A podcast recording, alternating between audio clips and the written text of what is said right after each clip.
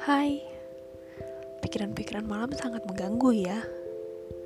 Baik dari itu pekerjaan, studi, keluarga, pertemanan, pasangan, maupun diri sendiri.